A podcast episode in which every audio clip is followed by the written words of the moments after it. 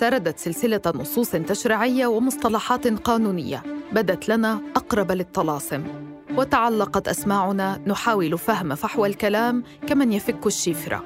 ثم قالتها بوضوح لم نصدقه خلصت المحكمة بعد النظر الأولي في القضية المقدمة إليها بأن لديها صلاحية النظر في الدعوة وفق البند التاسع من المعاهدة.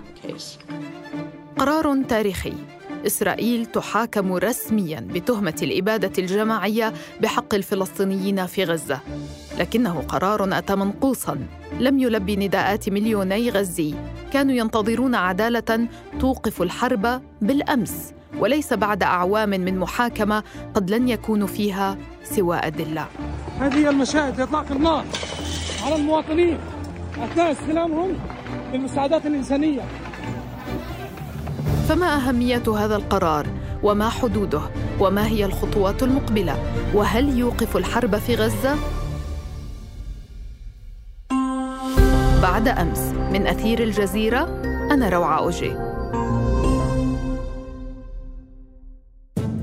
قبلت إذن محكمة العدل الدولية النظر في الدعوة التي تقدمت بها جنوب إفريقيا ضد إسرائيل بتهمة الإبادة الجماعية ضد الفلسطينيين في غزة قرار أثار غضب إسرائيل فوصفته بالمشين وبوصمة العار. نحن نحارب المخربين والأكاذيب. أي وقاحة هذه؟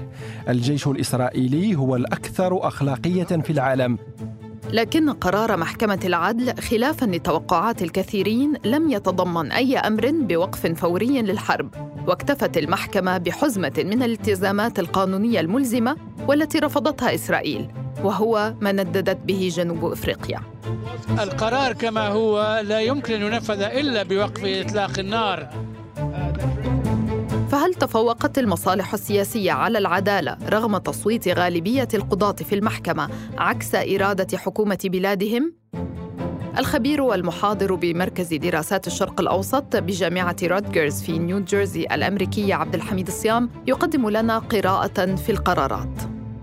اولا قضية وقف إطلاق النار قد تكون لها إشكالية قانونية لأن عادة وقف إطلاق النار يكون بين دول وبين جيوش متحاربة. وبالتالي إذا أقرت المحكمة أن وقف إطلاق النار يجب أن يعلن بين الطرفين وكأنها تعترف بأن حركة مقاومة هي لديها جيش وهي متساوية مع الجيش الآخر وهذا غير صحيح. لذلك طلبت آه، من الجيش الذي يقوم بهذه الجرائم باتخاذ جميع الإجراءات الفورية لمنع الإبادة الجماعية. وهذا يعني وقف إطلاق النار بطريقة مواربة. لأن هذا القرار يعني فقط الجيش الذي يمارس هذه الجرائم ولا يعني الجهة الأخرى. مثلا عندما طلب من إطلاق الرهائن توجه إلى الطرف الآخر لأنه لا يعني الجيش القادم من الحدود ويرتكب هذه الجرائم. فلذلك هناك قرارات موجهة لهذا الطرف أو لذاك. وقضية آه، اتخاذ إجراءات فورية لمنع الإبادة الجماعية مقصود فيها فقط طرف واحد وهو الجيش الإسرائيلي. دكتور صيام لكن بالنسبة للمدنيين على الأرض الذين يعيشون تحت القصف والقنص والاعتقال والتجويع والحصار ما قيمة هذا القرار؟ بالنسبة لأبناء غزة طبعا لا يقبلون أي كلام إلا إذا توقفت القنابل وتوقفت الطائرات وتوقف القصف والقتل المتواصل. هذا شيء منطقي وطبيعي. وحتى لو أخذت المحكمة قرارا بوقف إطلاق النار الفوري نحن نعرف والجميع يعرف أن إسرائيل لن تلتزم بهذا القرار. هي لا تعطي أي أهمية للقانون الدولي لأن هناك دولة عظمى تقوم بحمايتها وتوفر لها الغطاء في كل ما ترتكبه من جرائم منذ قيامها إلى اليوم. لذلك آه، ضروري جدا هذا أن نعطيه أهمية أن لأول مرة تحاكم إسرائيل بهذه الطريقة علنا أمام العالم ولا يوجد هناك فيتو وهذه القرارات ملزمة ملزمة من الناحية القانونية. مرة أخرى إسرائيل آه، سترمي بها عرض الحائط. لكن سيكون من الصعب على الدول التي تدعم إسرائيل أن تبقي على هذا الدعم لأنها أدينت سيكون أصعب على الدول أن تدعم إسرائيل وسيكون أسهل على الدول التي تقف مع فلسطين وتنادي بممارسات العقوبات وهذا يكون سهلا لأن هناك قرارات دولية تدعم هذا التوجه. القرار أغضب كل من ينتظر وقفا لإطلاق النار، لكن على الجانب الإسرائيلي بدا الغضب أكبر ونتنياهو يكرر أنه مستمر في حربه حتى القضاء على حماس. إسرائيل تقاتل حربا لا حرب أكثر شرعية منها. سنواصل فعل كل شيء من أجل أن نحمي أنفسنا ومواطنينا. لكن المحكمة أمهلت إسرائيل شهرا لتعود إليها بأدلة أنها توقفت عن جرائم الإبادة. عمليا على الأرض ماذا يعني ذلك؟ المحامي والباحث القانوني علاء محاجني أهلا وسهلا بك. بين قرار محكمة العدل وتعنت نتنياهو ما شكل الحرب التي يمكن فعليا لإسرائيل المضي فيها لتحقيق أهدافها هذا إذا كانت فعليا تريد تفادي توثيق مزيد من جرائم الحرب ضدها والالتزام بالقانون الدولي؟ نتنياهو سوف يواجه مشاكل عديدة في الاستمرار بنفس النهج الذي انتهجته إسرائيل حتى اليوم. يعني القرارات الصادرة أو التدابير الاحتياطية والمؤقتة التي اتخذتها المحكمة سوف تلزم سوف تلزم الحكومة الإسرائيلية عاجلا أم اجلا بتغيير نظام أو نمط الحرب الجارية. فيعني عندما تأمر المحكمة بعدم تعطيل دخول المساعدات والإغاثة الإنسانية فورا ومن جهة أخرى يوجد طبعا مثل الأمين العام للأمم المتحدة الذي يصرح منذ أشهر أنه لا يمكن تنفيذ هذه المهمه دون وقف لإطلاق النار من قبل إسرائيل أو حتى هدى مؤقتة هدى إنسانية. فلذلك نحن نفهم أن هذه القرارات هذه القرارات سوف تكون يعني موضوع لمحاسبة ومراجعة المحكمة بعد شهر من اليوم. ماذا فعلت إسرائيل بهذه الجزئيات من أجل تطبيق هذه القرارات؟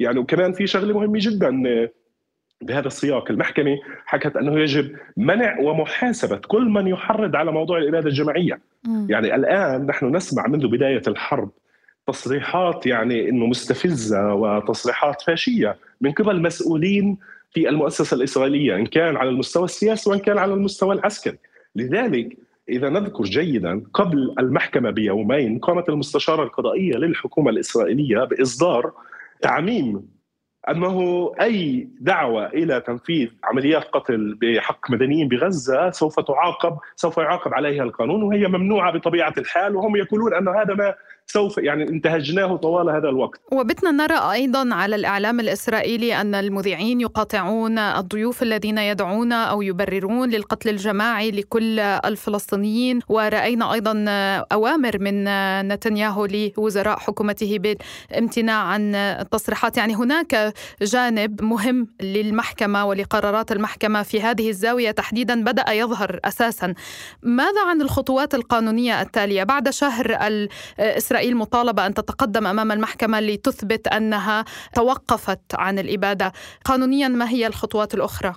إيه، نحن نتحدث عن قرار هيئة أعلى هيئة قضائية في العالم تقول أن إسرائيل مجبرة أن تتخذ تدابير على الفور من أجل منع إيه، عمليات يمكن اعتبارها إبادة جماعية، فبالتالي إسرائيل إيه، يجب أن تفصل فيها على هذا النحو وأن استمرارها بعمليات القتل آه، والأعداد الضحايا من المدنيين بهذه الأعداد سوف يثبت أنها لا تقوم بالاجراءات التي طلبتها المحكمة. آه، كذلك الأمر أيضا بالنسبة لموضوع آه، إدخال المساعدات والإغاثة الإنسانية لقطاع غزة واتخاذ إجراءات ضد طبعا المحرضين على موضوع الإبادة الجماعية.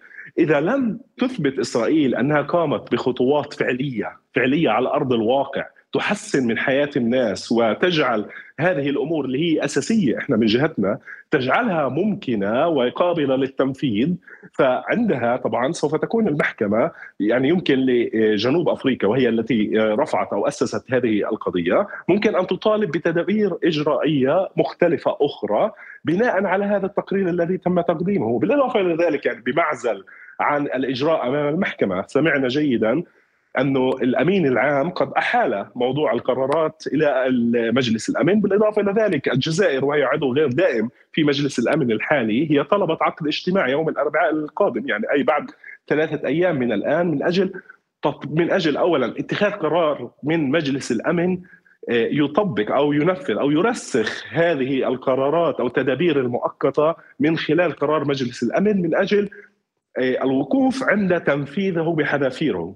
ومن هنا باعتقادي أن العمل الأساسي الذي يجب أن ينطوي على مثل هذا القرارات هو عمل سياسي. المفتاح اذا بيد مجلس الأمن، ومفتاح مجلس الأمن بيد خمسة أعضاء دائمين يمتلك كل منهم حق النقد والقدرة وحيدا على نسف أي قرار تتخذه باقي الدول في الأمم المتحدة. دكتور عبد الحميد الصيام هل نشهد تحركا من مجلس الأمن باتجاه دعم قرار محكمة العدل الدولية؟ هناك اجتماع لمجلس الأمن يوم الأربعاء للمشاورات وقد دعت إليه الجزائر. وهذه المشاورات المغلقة حول التوصل إلى مشروع قرار لعرضه على مجلس الأمن والتصويت عليه يعتبر هذه القرارات الصادرة عن محكمة العدل الدولية قرارات ملزمة ويطالب إسرائيل بتنفيذها. هلا السؤال التالي. هل ستستخدم الولايات المتحدة الفيتو وقتل مشروع القرار القادم والذي تصوغه الجزائر الآن؟ لا نعرف، لكن سيكون صعبا على الولايات المتحدة أن تستخدم الفيتو بعد قرارات محكمة العدل الدولية وسيكون عليها أيضا صعبا أن تترك حليفتها التاريخية إسرائيل لتتعرض لمثل هذا القرار القوي. الذي سيصدر عن مجلس الأمن إذا لم يكن هناك فيتو ولذلك من المبكر أن نتوقع كيف ستسير الأمور في المشاورات المغلقة حول هذا المشروع القرار هذا يوم الأربعاء القادم. علاء محاجني استخدام الفيتو في مجلس الأمن ضد قرارات من محكمة العدل الدولية ما تداعياته على منظومة القانون الدولي والمجتمع الدولي ومؤسساته؟ أمريكا يعني من الناحية الرسمية ومن ناحية يعني تصريحات المسؤولين هي دائما حتى منذ أشهر هي تدعو إلى تكثيف دخول المساعدات وهي تدعو إلى يعني إنه أو رسميا تصرح أنها ضد تهجير سكان غزة حتى إلى أماكن مختلفة أو حتى ما بين أماكن مختلفة بين شمال جنوب القطاع وشماله، فبالتالي يعني لا لا, لا أرى أنها يعني أمام محاولات أو أمام مبادرة مثل التي قد تقدمت بها الجزائر تقوم بالتصويت ضد بالإضافة إلى ذلك. يعني وحتى لو تجاهلنا هذا الموقف السياسي الأمريكي الذي عبرت عنه منذ أشهر والذي هو يدعم إدخال المساعدات باعتقادي أن فعل سياسي تقوم به أمريكا بتفعيل حق الفيتو ضد قرار صادر عن أعلى هيئة قضائية في العالم هو تقويض للنظام العالمي. يعني خلينا نتذكر جيدا إنه النظام العالمي القائم هو بالأساس بالأساس يوفر مصالح الدول القوية. يعني نحن نتحدث عن خمس دول فقط يوجد لها حق نقض الفيتو. إذا قامت الولايات المتحدة الأمريكية من خلال التصويت ضد هذا القرار أو ضد قرار المحكمة فانه ذلك يعتبر ضربة ضربة وهدف ذاتي حتى يمكن اعتباره ضد النظام العالمي الذي يحمي مصالحه. إذا أردنا أن نقرأ هذا القرار سياسيا وليس فقط قانونيا، ماذا يعني اليوم أن تدعم دول إسرائيل وهي متهمة بالإبادة؟ هل سيختلف الموازين والمقاييس سياسيا عن ما قبل قرار محكمة العدل الدولية بالقبول بالنظر في الدعوة؟ كل الحديث تغير على على الساحة الدولية، نحن اليوم نتحدث عن مشهد تاريخي وغير مسبوق، إسرائيل تتهم وتدافع عن نفسها من مقعد المتهمين بأنها ترتكب أعمال إبادة جماعية، والقرار الذي صدر يوجد به ترسيخ واضح للرواية والسردية الفلسطينية بكل ما يحدث منذ السابع من أكتوبر حتى اليوم. قضاة يتبعون لألمانيا يتبعون لدول الولايات المتحدة الأمريكية ودول أخرى تساند إسرائيل في الحرب. فبالتالي هذا الأمر يربك هذه الدول في علاقاتها مع إسرائيل من خلال هذه الحرب ويجعلها على الأقل تعيد النظر في التوازنات. وقد رأينا ذلك حدث بالفعل. ألمانيا اللي سمعنا أنها انضمت للدفاع الإسرائيلي في القضية أعلنت بعد القرار أنها تنادي إسرائيل بتطبيق فوري لموضوع إدخال المساعدات والإغاثات الإنسانية إلى غزة، فبالتالي إذا استمرت الحرب ولم يكن بالإمكان مثلا إدخال هذه المساعدات، سوف نصل لمرحلة تقول بها المحكمة أنه بدون وقف العمليات أو على الأقل هدنة إنسانية لا يمكن تنفيذ هذه التدابير المؤقتة أو التدابير الاحترازية، وعليه يبدأ بتغيير بشرعية إسرائيل بالاستمرار بنفس النهج وباعتقادي أن الإسرائيليون واعون جدا، إسرائيل تدرك جيدا أنها مجبرة أمام المحكمة بتغيير هذا النمط وإلا أنها سوف توصل إلى موصول يعني يتم وصمها به بشكل رسمي بأنها ترتكب إبادة جماعية وإسرائيل تخشى من هذه الوصمة يعتبر خسارة إعلامية خسارة سياسية يمكن البناء عليها مستقبلا حتى من موضوع المقاطعة وموضوع طبعا التحالفات الاقتصادية مع إسرائيل على اعتبار أن المعاهدة تجرم كل دولة تقوم بالتواطؤ أو بمساعدة أو لم تتخذ حتى الإجراءات اللازمة من أجل منع استمرار أعمال الإبادة الجماعية. دكتور الصيام ما خيارات الدول الداعمة لإسرائيل اليوم بعد هذا القرار؟ أنا أرى أن المحكمة الآن وضعت الدول الداعمة للكيان الصهيوني في موضع المسؤولية والمحاسبة، وبالتالي عندما تتهم إسرائيل بأنها تقوم بأعمال تؤدي إلى آه، إبادة جماعية إذا كل الدول التي تدعم الكيان تقدم له السلاح والمال والمتطوعين والمعلومات والمخابرات والأجهزة والخبراء العسكريين. إذا هي شريكة في هذه الجريمة. وبالتالي الآن وضحت الأمور. المحكمة قالت تلك الممارسات يجب أن تتوقف وسيكون صعبا على كثير من الدول بما في ذلك الولايات المتحدة والمملكة المتحدة أن تستمر بنفس الطريقة. ولعل الموقف الأوروبي آه، الجديد موقفا مهما. يعني ضروري أن ننتبه إلى الموقف الأوروبي الذي قال سنلتزم بقرارات آه، محكمة العدل الدولية وطالب الاتحاد الأوروبي إسرائيل بالالتزام بها حتى ألمانيا وهي من أكثر الدول الداعمة للكيان الصهيوني حتى ألمانيا آه، قالت إنها ستلتزم بقرارات محكمه العدل الدولية وهذا تطور مهم ماذا عن الدول العربية؟ ما الذي يمكنها أن تقدمه بعد هذا القرار؟ الآن هناك حقيقة فرصة للدول العربية والدول الإسلامية ودول المنطقة والدول الصديقة أن تقف صفا واحدا بأن تخترق الحصار وهي مسلحة بهذا القرار الذي طالب بإيصال المساعدات الإنسانية بدون قيد ولا شرط وبدون توقف وبكل الأحجام التي يحتاجها أكثر من مليوني إنسان في غزة. لماذا الآن لا تقوم هذه الدول بتسيير قوافل برية وبحرية لتكسر الحصار على غزة وهي ترفع قرارات محكمة العدل الدولية؟ لأن قرارات محكمة العدل الدولية ملزمة. وكل دولة عضو في المحكمة كل دولة تستطيع أن تنفذها. الدول التي آه، الآن آه، تراقب مثلا آه، عدم تنفيذ إسرائيل لهذه القرارات تستطيع أن تعاقبها تستطيع أن تقطع العلاقات معها تستطيع أن تسحب السفراء لأنها في حالة انتهاك واضح للقانون الدولي.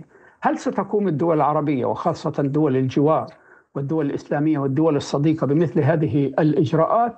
أشك في ذلك. قد نتوقعها أن تأتي من بوليفيا والبرازيل والمكسيك وفنزويلا وربما دول أخرى لكنها لا ن... لكننا للأسف لا نتوقع أن نراها قادمة من المنطقة. امتحان صعب يواجهه المجتمع الدولي ليثبت مدى جديته في الالتزام بشعار ردده منذ الحرب العالمية الثانية بأنه لن يسمح مجددا بتكرار أي إبادة. فهل تغير قرارات أعلى جهة قضائية دولية شيئا من واقع الحرب؟ وهل تدفع هذه المخاوف من تثبيت التهمة بارتكاب إبادة جماعية إسرائيل إلى وقف حصارها وقتلها للأبرياء في غزة؟ بعد أمس من أثير الجزيرة تابعونا عبر كافة منصات البودكاست وأرسلوا لنا أسئلتكم ومقترحاتكم في التعليقات وعبر حسابات أثير على مواقع التواصل الاجتماعي. دمتم بخير ونلتقي بعد أمس.